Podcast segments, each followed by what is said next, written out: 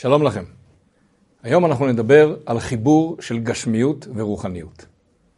על פניו גשמיות ורוחניות סותרות אחד את השני.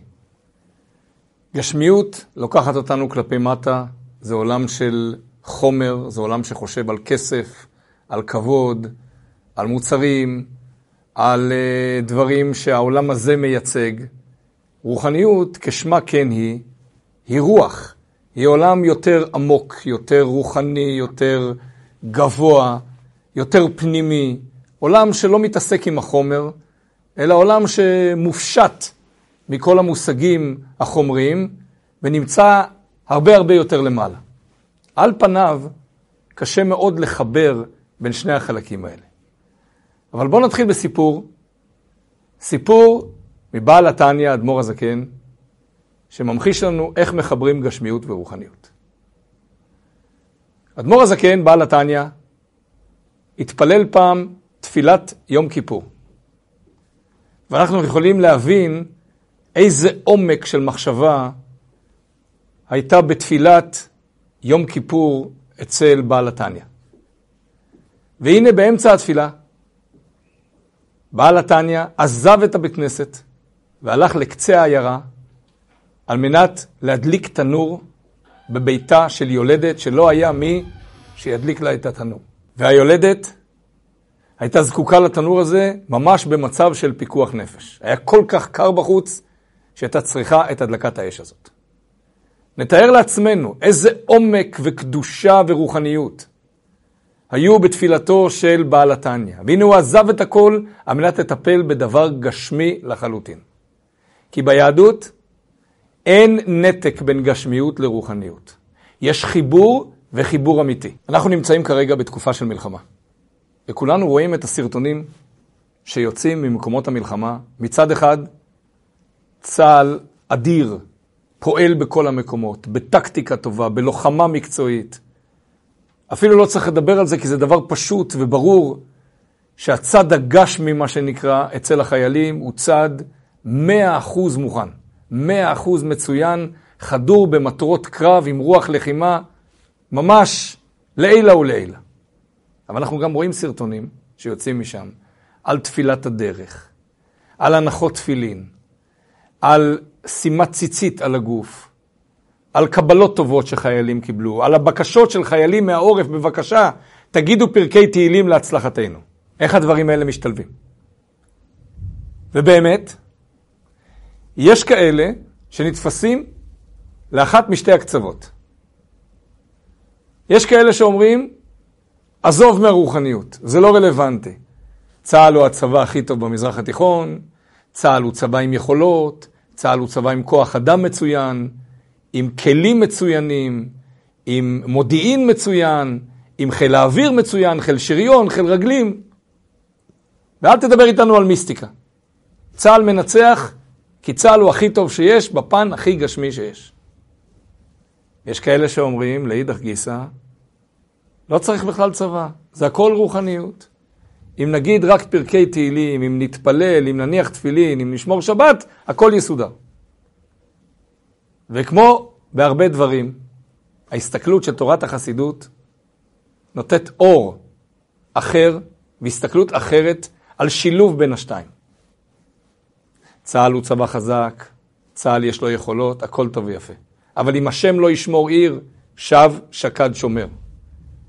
וצריך לחבר בין שני החלקים האלה, ולאחד אותם למהות אחת. אין רוחניות בלי גשמיות.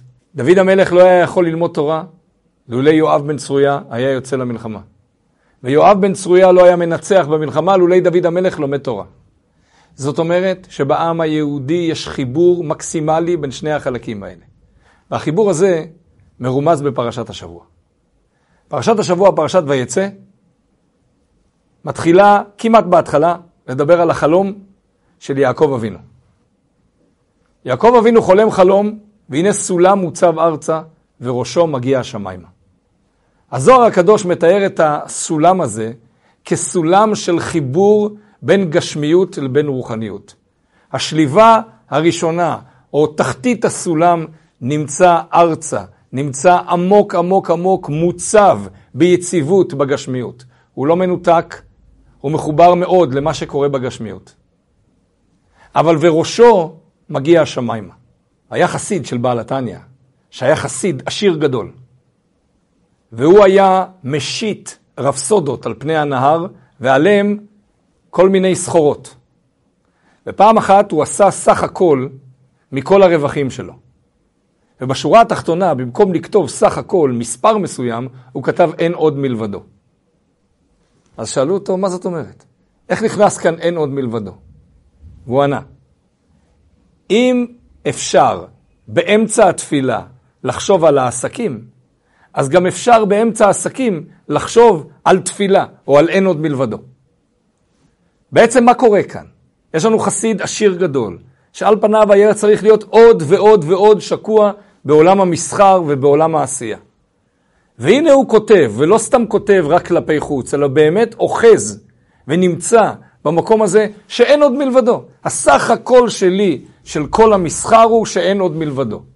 זה לא סותר את זה שצריך להרוויח במסחר וצריך למכור את זה כמו שצריך, וצריך לדעת איך להתפרנס וצריך לדעת איך לחלק צדקה, הכל נכון. אבל בסוף יש אין עוד מלבדו.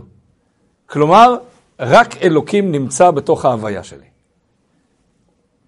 מי שרואה את זה בתור סתירה, לא הבין עד הסוף כמה התורה חדרה לתוך מציאות העולם. מרגיש איפשהו שהתורה נמצאת בשמיים, והעולם הוא עולם גשמי, ואי אפשר לחבר ביניהם. וזה אולי היה אחת השאיפות של הרצל, שחלם על מדינת ישראל, לשים את הרבנים בבתי כנסת. את הצבא בקסרקיטין ואת הרבנים בבתי כנסת. או השיטה של המשכילים, היה יהודי בביתך ואדם בצאתך. בצאתך תהיה אדם, כמו כולם, בלי סממנים חיצוניים, בלי אמירות יהודיות, תהיה כמו כל הגויים. בביתך תעשה מה שאתה רוצה. יש ניגוד עניינים חמור לשיטתם בין הבית לבין הבחוץ. הם לא יכולים להיות ביחד. לכן בבית אתה בזהות אחת, בחוץ אתה בזהות אחרת. את כל הרבנים ואת כל התורה תרכז בבתי כנסת. בחוץ, עולם כמנהגו נוהג, עולם של חולין לחלוטין. אבל זו טעות. כי כשהקדוש ברוך הוא השרה את שכינתו במעמד הר סיני, הוא נתן את התורה הקדושה מהשמיים לארץ. וירד השם על הר סיני. הקדוש ברוך הוא בעצמו התגלה בתוך העולם הגשמי. כי הוא חיבר בין העליונים לבין התחתונים. בין השמיים לבין הארץ, בין הרוחניות לבין הגשמיות. אז לא רק בצה"ל אנחנו צריכים לזכור שהמלחמה והניצחון צריכים להיות משולבים ומשלבים בין רוחניות לבין גשמיות, אלא גם בחיים הפרטיים שלנו. אדמו"ר הזקן פעם סיפר סיפור על סוחר אחד, שנקרא הסוחר מבישנקוביץ.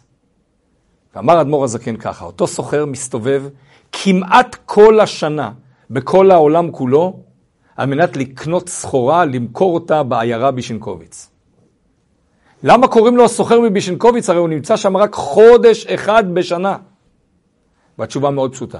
כל הסיבובים שלו בעולם לקנות סחורה, נועדו בשביל דבר אחד, להביא את כל הסחורה לבישנקוביץ. אז מקומו הוא בבישנקוביץ. זה שהוא לא נמצא שם כל השנה זה רק כדי שבבישנקוביץ הוא יוכל למכור את הסחורה חודש אחד בשנה. גם אצלנו, בחיים שלנו. לא כולנו נועדנו או אנחנו יכולים לשבת וללמוד כל היום כולו. מי שהצליח ומצליח ובאמת מנצל את הזמן, אשרי חלקו. אבל גם מי שלא, צריך לזכור שגם אם רוב היום עובר סביב גשמיות, עבודה, עסקים, השקעות, בית, סידורים, לא משנה מה, גשמיות, אכילה, שתייה, שינה, אם זה נועד בסוף לשרת מטרה יותר קדושה, על מנת לחבר את הגשמיות הזאת עם אלוקים, להעלות אותה כלפי מעלה, סולם מוצב ארצה וראשו מגיע השמיימה, יש לו שאיפות שמימיות לעלות למעלה, אז הכל מצוין. אז בעצם אנחנו הסוחר מבישנקוביץ. גם אם לא כל היום סובב טכנית סביב התורה, אבל המטרה בסוף זה שבסוף היום, או תחילת היום, או מתישהו באמצע היום, נשב מול ספר ונלמד. מה לעשות, וצריך גם לפרנס, אז אנחנו גם מפרנסים. אבל בסוף המטרה הסופית שלנו זה להתחבר עם הקדוש ברוך הוא.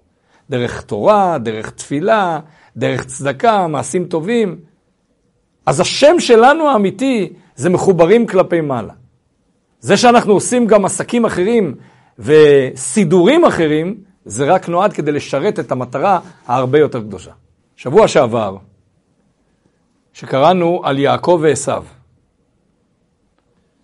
וקראנו איך שיעקב, במרכאות, מרמה את יצחק ולוקח את הברכה שהייתה מגיעה לעשו. אבל אם אנחנו מסתכלים, וכך מסתכלת תורת החסידות, על יעקב ועשו לא כשני ישויות נפרדות, אלא כאותו אדם שיש לו נפש אלוקית שמוגדרת יעקב, ונפש בעמית שמוגדרת עשו. ויש כאן מלחמה פנימית מי בעל הבית, מי מושך את העגלה קדימה. עשו מסמל את הגשמיות. ויהי עשו איש יודע ציד איש שדה.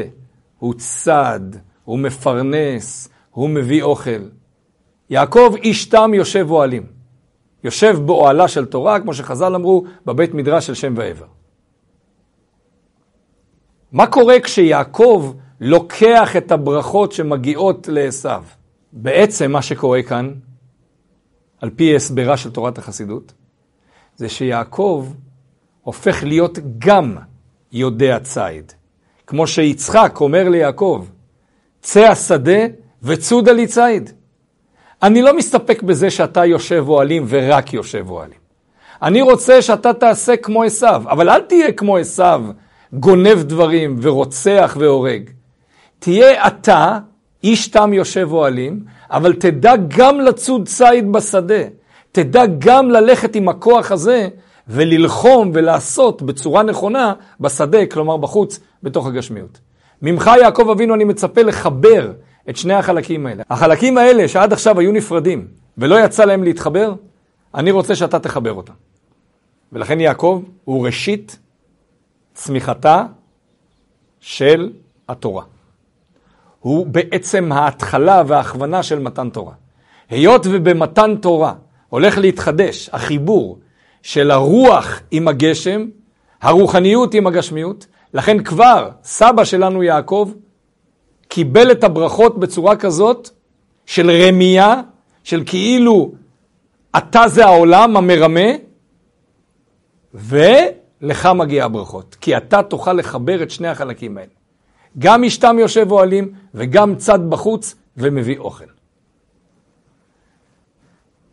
אז עם ישראל בזמן הזה צריך אחדות, צריך חיבור. ותמיד אפשר להסתכל על הקצוות של אנשים שאומרים, זה, זה לא חשוב.